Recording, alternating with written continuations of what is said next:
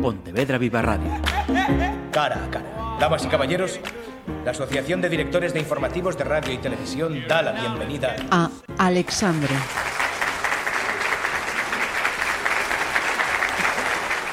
Alexandre González García es marinense. Estudia primero de publicidad, tiene 22 años y lo hemos invitado a este cara a cara por su faceta musical de mm, rapero, ¿puedo decir, Alexandre? Sí, bueno, vamos a ir puliéndolo. Es, explícanos, explícanos eso. pule ella para eh, empezar. Yo empecé haciendo rap y voy a seguir haciendo rap pues hasta que tenga ganas, que de momento son muchas, pero sí que me gustaría explorar otro tipo de géneros, ¿sabes? Y ya no subgéneros del rap, sino mezclar el, hip hop con géneros como rock o también hicimos algún tema para el nuevo disco como de samba. Vamos a mezclar muchos estilos y a probar cosas nuevas. Entonces, sí voy a ir desmarcándome, pero nunca del todo del rap, ¿sabes? Ajá. Entonces, ¿cómo te definimos en el ámbito musical? Está difícil, ¿eh? no sé. Me gustaría mi objetivo es que a largo plazo se me definiera como, como, un artista multidisciplinar, ¿sabes? Perfecto. Pues antes de, seguir, bienvenido que todavía no te ah, Muchas gracias, muchas gracias. te he leído y dices que desde niño te gustaba el hip hop. Sí. ¿Cómo llegas o, cómo te llega ese género, Alessandre? Pues eh, a base de las primeras tonterías que ves por ahí, por ejemplo, viendo en, en, casa de niño El Príncipe de Bel Air, escuchando la canción y dices, hostia, pero ¿qué es esto? Sí, esto está guapísimo. Y pues luego en YouTube, eh, la época del 20 y tal, eh, andas a fuchicar por YouTube a ver vídeos graciosos y de repente pues te sale, yo qué sé, KCO, Violadores del Verso, te sale de aquella andaba Nacho, Zetapu, o Peña así muy de los 90 y tal y lo escuchas y dices, hostia, esto no es las canciones políticamente correctas que escucha mi madre o que puede escuchar cualquiera, ¿sabes? Y eso a mí me gustó mucho. Sobre todo, mm, ese tipo de gente predicaba unos valores con los que me sentía muy conforme, ¿sabes? Y me hizo sentir como parte de algo, por ejemplo. Y ahí fue cuando me empezó a gustar. Y bueno, también está muy relacionado con la música que yo venía escuchando de más peque, que escuchaba más rock eh, quizá Platero y tú, o Loquillo, o movidas así, que le gustaba mucho a mi padre. Entonces sentía que el discurso se podía, podía unificar, sí.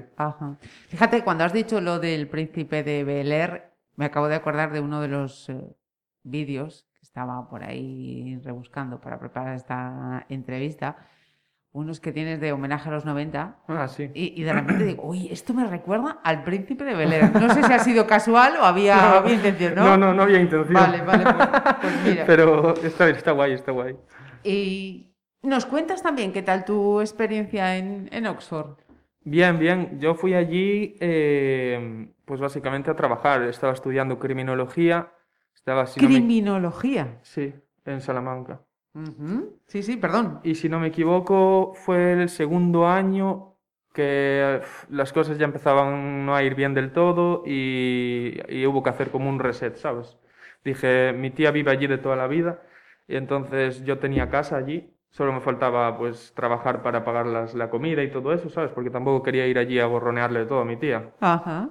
Y, y muy bien, estuve allí trabajando, luego iba a la escuela de idiomas también y, la verdad es que muy bien, conocí mucha gente de muchísimos países, me trataron súper bien, salvo en ciertos momentos puntuales, ¿sabes? Pues el típico del trabajo que está ahí molestando tal, pero luego muy bien, muy bien. Alguna mosca cojonera tiene que haber. Sí, siempre, siempre hay.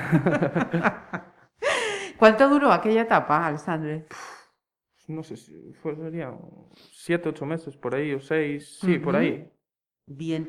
Y estando en Oxford, em, ¿te acercas a ondas aprendes más sobre estos estilos musicales o quedan un poco apartados? No, no, Cuéntanos, ¿qué pasa? Mm, de hecho, en, Oxford fue cuando yo cogí y tuve la iniciativa de escribir mi primera canción. O sea, que ahí fue cuando realmente me, acerqué lo máximo, ¿sabes? Cuando dije, voy a intentarlo. Y bueno, la verdad es que la primera no salió muy bien, pero había ahí un par de cosillas interesantes que, me motivaron a seguir. ¿Decides eh, regresar de nuevo a, aquí a Marín, a tu no, eh, regresé a Salamanca y estuve un, curso más eh, cursando criminología.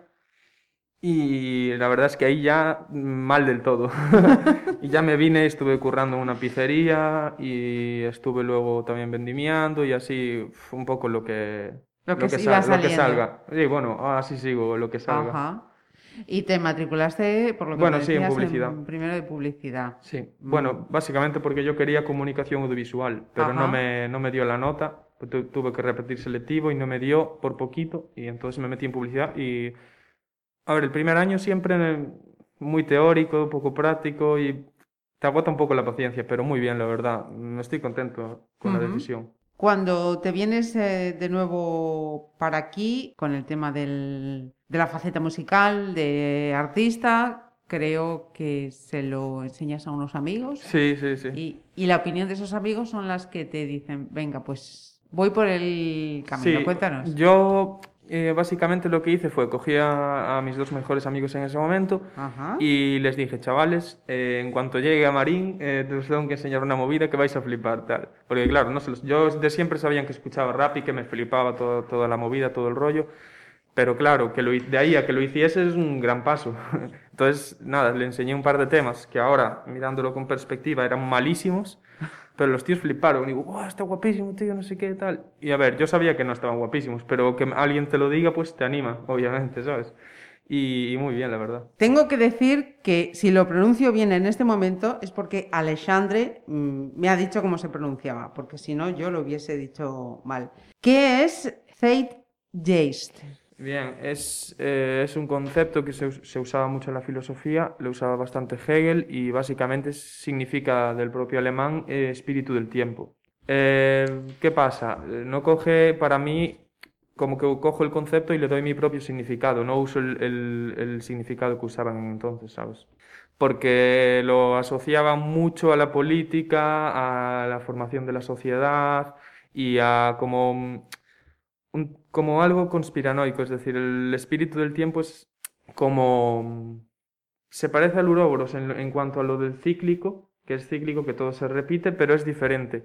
Y hay varios vídeos en YouTube tratando este concepto que dicen que todas las sociedades desde que se iniciaron siguen un mismo patrón. Y básicamente es como algo así tipo conspiranoico. Yo le doy mi propio, mi propio sentido que va más enfocado al tema de la muerte, al tema de la vida, al tema de personas que entran en tu vida, personas que se van eh, porque se van o porque las echas, va más, por ese, va más enfocado a ese, a ese aspecto. Como no sé si viste un cortometraje que tengo, que fue el la primero que yo subí, que es un cortometraje donde yo lo anuncié como que iba a salir una canción y yo no tenía nada subido, entonces la gente se creó el hype con la canción y lo subí justo el día de, de. Navidad. Pause, Sí, pause porque entonces voy a, voy a adelantar un poquito.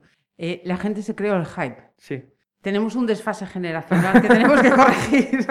Vale, vale. Hype es eh, que cuando, cuando tú te emocionas mucho por algo y que va a pasar, que va a pasar, que va a pasar, y entonces eso es el hype, como esperar mucho de algo. Perfecto, perfecto. Lo- eh? Lo- los que tenemos ya más edad, lo que vamos a aprender de esta charlita.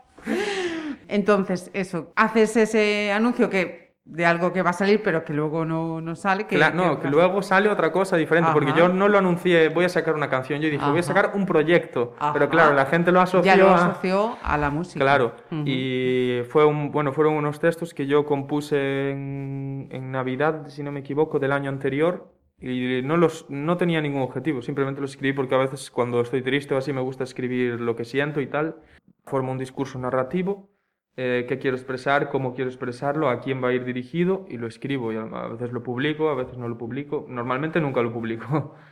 Y, y me, hace, me hace sentirme mejor conmigo mismo, básicamente. Es que es una forma de indagar en uno mismo muy profunda, muy racional y además, si, bueno, decías que casi nunca lo publico, pero luego, mm, si eso trasciende, es abrirse Claro, en canal, ¿eh? Sí, fue- de hecho el, el corto del que hablábamos antes es, es eso, abrirse en canal. Básicamente la definición de abrirse en canal.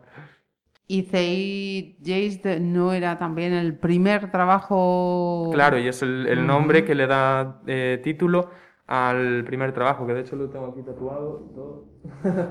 Cierto, lleva en el lateral del cuello, muy Sí. pequeñito, Sí. efectivamente. Y, y entonces, ¿qué, ¿qué temáticas salen cuando Alexandre se pone a, a Sobre componer todo... tan intimistas? Sí, sobre todo muy intimistas. Y mm, sobre todo sobre la muerte y el paso del tiempo, básicamente. Lo que así más, las Ajá. preocupaciones más, Ujú. más típicas.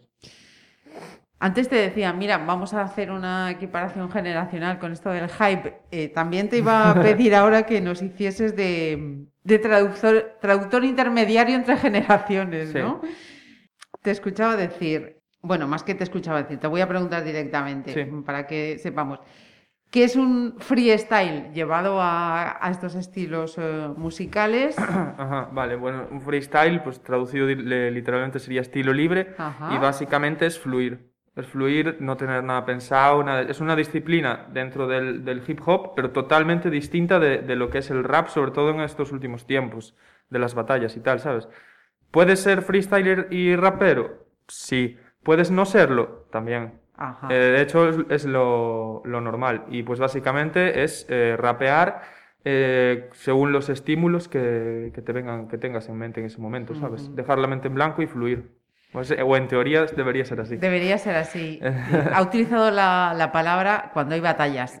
Aquí no se pega nadie, ¿eh? Cuidado. Cuando no, habla no, de no, no. batallas es que digamos que entre unos y otros, eh, digamos que os vais, entre comillas, picando, ¿no? Con vuestras letras. Sí, bueno, yo no, vuestras- yo nunca me presenté ni creo que lo haga. Ajá. No me, no me gusta hacerlo, me gusta mucho verlo. Ujú. En Marín se organizan unas que creo que es la organización BHB y, y están bastante bien. A mí me gusta mucho cómo, lo- cómo está montado y tal, y el, el ambiente está de puta madre. Ajá. Y, y- pero yo no, yo no, yo no me voy a meter nunca, porque no me, no me, a mí me gusta sí que hago freestyle, sobre todo con amigos y tal, o a veces incluso yo solo, pero es freestyle libre, no es enfocado a un objetivo como puede ser meterme con él o ganarle simplemente o demostrar que rapeo mejor que él. No, no, simplemente es fluir y lo que salga y buscar conceptos dentro de, dentro de mí y a ver qué, qué pasa. Que es una base. Una base pues es una instrumental. Hacer el beat con el productor. el proceso creativo que normalmente se da antes de componer y pues consiste en juntarte con tu productor. Si es que tú no sabes producir, como es mi caso, que sí que me gustaría saber, pero es un mundo muy complejo y tal, y que me quiero meter, pero más a largo plazo. Y pues básicamente, mm, así explicado a la ligera, pues habría que buscar un sample, que es como la, melodía, lo que, ¿sabes? Sobre, sobre lo que gira todo el beat, que se repite constantemente, y luego meter la instrumentación, que sería pues el bombo, la caja, etc, etc, y luego ya la fantasía de tú y el productor y, y lo que salga. En tu caso trabajas con Rocola. Con Rocola y también he trabajado con, bueno, eh, va a salir en nueve días un tema de, de drill, que es un subgénero del rap, trap y tal. Drill. Drill, sí. Drill. Ah, drill, drill. Vale, vale. y va a salir un tema de ese subgénero con un productor de Marín que se llama Heather y suelo trabajar también con Jairo de eh, 2711 Records en Vigo, que es un ingeniero de sonido, un buenísimo. Pero sí, principalmente con Rocola. Le pillas el temple al beat. Nada, esto es agarrar el, la vibra, cómo, qué, qué te, qué te- cómo te sientes escuchándolo, sobre, como, por ejemplo, es un sample que me hace sentirme triste, me hace sentirme alegre, me hace sentirme enfadado, ¿a qué me, qué me evoca, sabes? Y entonces sobre eso es como pillar el temple, la, la gracia. Bien. Habrá un par de escapes antes de este disco. Eh, esos son temas que van saliendo antes del lanzamiento. Bueno, habéis enriquecido el diccionario, ¿no? Pues eh, tenerlo en cuenta porque nos vamos ahora con la ley del silencio. Y no me refiero a la película de, de Elia Kazan, sino Hmm. al título de la canción y el videoclip al que les has puesto este nombre. ¿Qué fue primero? Eh, la letra, la intención de hacer un, un vídeo, un corto, son casi seis eh, minutos eh, sobre la mafia italiana. Eh, primero de todo fue, eh, estábamos en cuarentena y me llega un WhatsApp de, de Fran Films, es mi filmmaker de confianza, creo que ya estuvo por aquí, ya lo Estuvo, conoceréis estuvo. y es un máquina. Y me dijo, guau, tío, tienes que verte otra vez las del Padrino porque me las estuve viendo ahora y estoy flipando. Y yo, guau, si yo me flipan tal toda esa movida. Y, y entonces me dice, molaba hacer algo sobre la mafia. Y eh, fue lo peor que pude hacer porque ya empecé a darle al coco, ya le pasé un par de guiones, ideas, me pasó él también y estuvimos poniendo, poniéndonos de acuerdo y ahí surgió. Después, ya cuando ya estaba todo planificado de cómo queríamos hacer así, como un guion, ¿sabes? Por ejemplo, secuencia 1, tal, tal y tal y tal, por ubicaciones. Dijimos, vale, ahora necesitamos el, instrumental para poder componer. Fui a la de Rocola, le expliqué toda la, toda la pesca, eh, montamos el beat con un, con un sample de, de hecho de la película del de Padrino, la banda de la sonora, banda sonora. del Padrino, efectivamente. Y- Es brutal. Además, que cuando lo escuché dije, Dios, esto ya me tiene enganchada. Y, y nada, lo compuse muy pronto, porque te- le lo pillé con muchas ganas, la verdad. Creo que en 3-4 días lo tenía entero ya compuesto. Lo grabé y a partir de ahí empezó ya eh, la grabación del cortometraje, que sí que fue más problemática y a la vez divertida.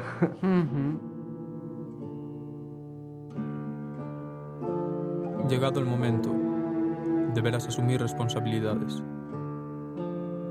Desde ese día, tus acciones hablarán por ti. Todo lo que hagas o dejes de hacer te acercará a tus objetivos o te conducirá todo aquello que un día renegaste. Ahora dime, ¿podrás con esa presión?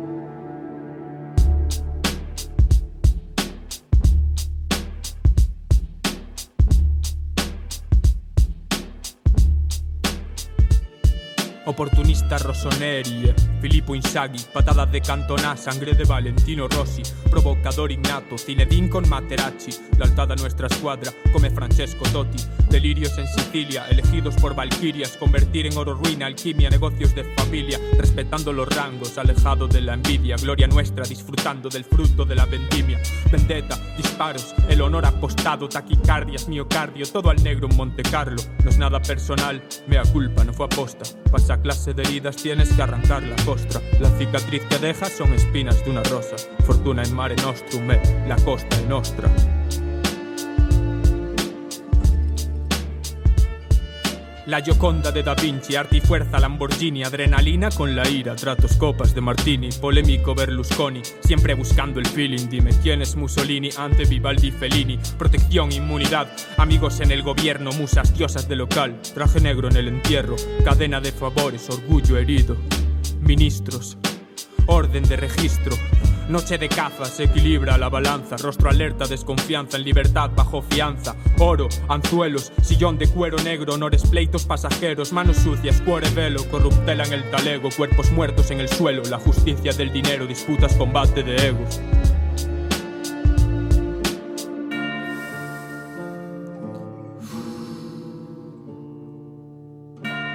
La traición se paga con sangre.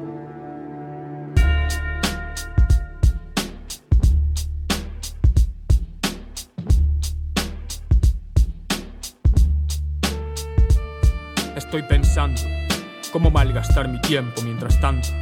Voy contando lo que siento, escribiendo, flotando entre el humo denso, estoy planeando conquistar el mundo con un verso. Cuida bien de tu bambino, aún más de tus enemigos. Presto, presto, bendecido, mangia pesto, bebe vino. Polifacético al pachino, hay manchas que no se quitan. Mala sangre, dolce vita, como Tony en el casino.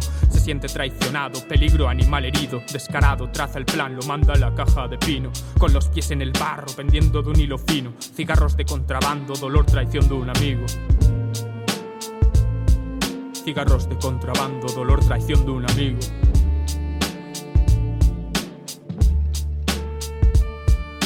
Ama a los gatos negros, mala suerte, no le espanta. La fortuna se la fuma, tiene el don de la palabra. Lealtad esas subazas, como el as de la baraja.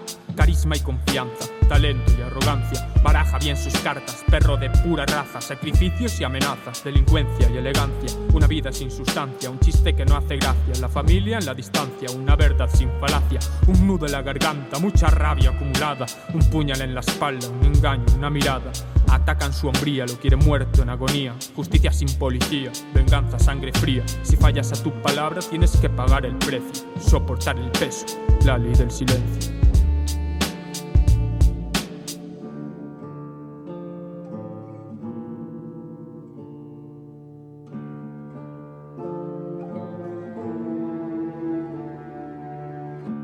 Una vez tomes una decisión, debes tener dos cosas claras. No existen los aciertos. No existen los errores. Solamente hay actos y consecuencias. Aquellos que son capaces de asumir las consecuencias de sus actos son quienes sobreviven.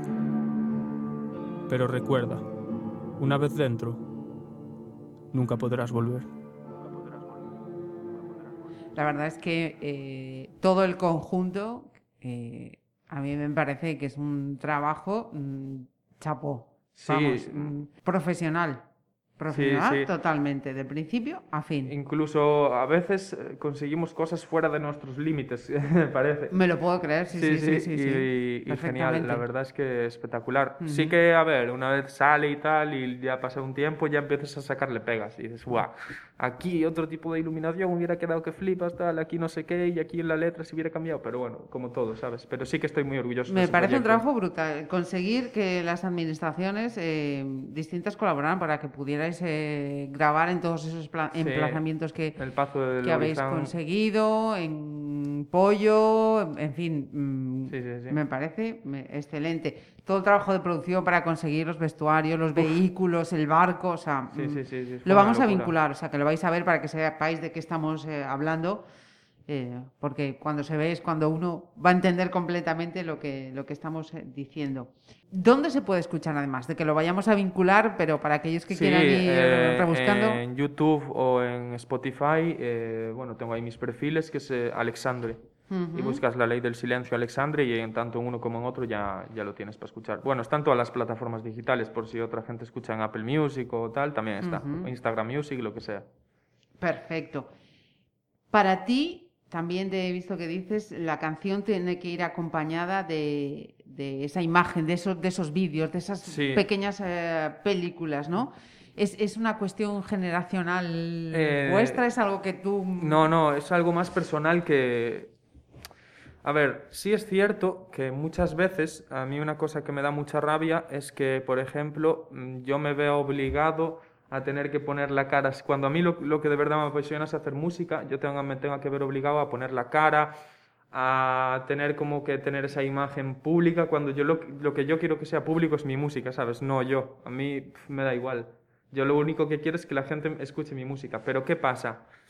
A mí me gusta también apreciar, eh, sobre todo me pasó cuando conocí a Fran Films. Yo dije, "Pf, pero si esto es la hostia igual que la música, ¿sabes? Entonces ya te motiva porque ya ves como, lo ves como otra rama de arte, ¿entiendes? Ya no lo veo como, como una, un trámite para que la, más gente vea mi vídeo, sino como una forma de expresar lo que yo quiero en la música, pero a través de imágenes. Y entonces eso me encanta y de hecho ahora estoy contentísimo pudiendo trabajar con él, porque es que es un, es un crack. La verdad que sí, lo descubrimos, eh, pues mira, hace siete días, fue el anterior eh, cara a cara, Hmm. Y, y hemos ido enlazando, ¿no? Mm, Porque pillamos Estuvo a Ozo, Ozo también, sí. Efectivamente. Es un, es un, chaval también. a raíz de ver a Ozo, Increíble. mm, localicé a Fran, y viendo el trabajo de Fran, te localicé a ti, eso está, está bien, ¿no? la bola de nieve. Sí, sí, sí, sí, sí. Eh, sorprendente, de verdad, que cualquiera de los tres en, en lo que está haciendo, personalmente, no es por dorar la píldora a nadie. muchas gracias, muchas sois- gracias. sois muy recomendables. Y este tema del que estamos hablando, la ley del silencio, es parte del siguiente eh, disco, ¿no? No, no, no, no, no. ¿No? Es single. Cuéntame. Es single. Ajá. Simplemente salió. eh, es un trabajo que no. que de aquellas yo tenía muchas ganas de, de sacar ese trabajo. Y como era un single, le quise dar. Bueno, le quisimos, yo y mi equipo, que no, no soy solo yo, ni mucho menos. Le quisimos dar todo ese todos esos, todos esos cariños y mimos para que quedase así, ¿sabes? Todo, dedicarle todo ese tiempo y esfuerzo. Y, y no, no, no, no forma parte del disco. El disco va a Vale. tener otro tipo de temáticas. Pues y- vamos, vamos sí, ahí, vale, cuéntanos, vale. ¿qué, qué va a ser o qué pretende ser Uroboros o Ouroboros? Hmm, Pues eh, Ouroboros pretende ser eh, un trabajo que, que básicamente, fuera ya del concepto de Ouroboros, básicamente quiero que, que mi vida quede plasmada en este trabajo. Desde, desde los comienzos, ¿sabes? Cómo me sentí, cómo me siento, qué pienso, qué no pienso, qué pensé, qué no pensé, todo eso. Las veces que lo pasé genial, las veces que lo pasé mal, las veces que tal, todo eso. Ujú. Me gustaría que fuera muy personal. Bueno, de hecho lo está siendo, estoy muy contento. Creo que tenemos como 8 o 9 temas ya grabados. Falta aún la producción, mezcla y masterización y tal, que eso ya se encarga el productor. Y, van a ser 18, 18 temas. 18 temas, cuidadito. Animalada. Ni 8 ni 9, No, 18, casi sí, sí. nada. Y habrá, bueno, esa es la idea. Luego, claro, eh, al haber tantas colaboraciones, porque igual hago entre 12, 13 colaboraciones de esos 18 temas, que muchas ya están grabadas, pero que a veces, por ejemplo, quiero hacer una con, con un chaval que se, eh, se llama, soy que es Sphinx o Gavistóteles, que es de Celanova. Luego tengo a los chavales de la crew de Berín, que en la que, bueno, estamos en la misma crew, que es como un, bueno, un grupo de gente que se junta para rapear y que comparte unas ideas en común y tal. Y, y luego tengo también con Benzo, que ya tengo un- una colabo que aún no salió con él, que es un chaval de, de Coruña, de las afueras del pueblo de Santa Cruz. Y bueno, y multitud de gente más que, claro, hay que cuadrar en el estudio, que ellos estén libres y no estén currando o estudiando, que yo también esté libre, que pueda el productor ese día. Es mucho, mucho Mm. chollo, pero muy bien. Eh, ¿Fechas? ¿O es pronto para hablar de Eh, fechas? eh? No, no hace falta ponerse un horizonte. No, yo no, no tengo en mente ni... Sí que me gustaría no más tarde de agosto, Caray, pues entonces sí que Pero- es una premio. Pero vamos, que si, si sale en noviembre no, no tengo ningún problema. ¿Qué pasa? Que yo quería sacarlo junto con la colección, porque bueno, no, no sé si lo dijo aquí, no creo, porque aún, aún no lo desvelamos y tal. Pero bueno, voy a sacar una colección de ropa en colaboración con Ozo, con Ozo Supply, Ah, y, y va a salir en, en las mismas fechas que el disco, ¿sabes? Porque también vamos a, a sacar discos físicos y tal, y alguna sorpresita más. O sea que va, a- va a ser en formato digital, en formato Sí, físico.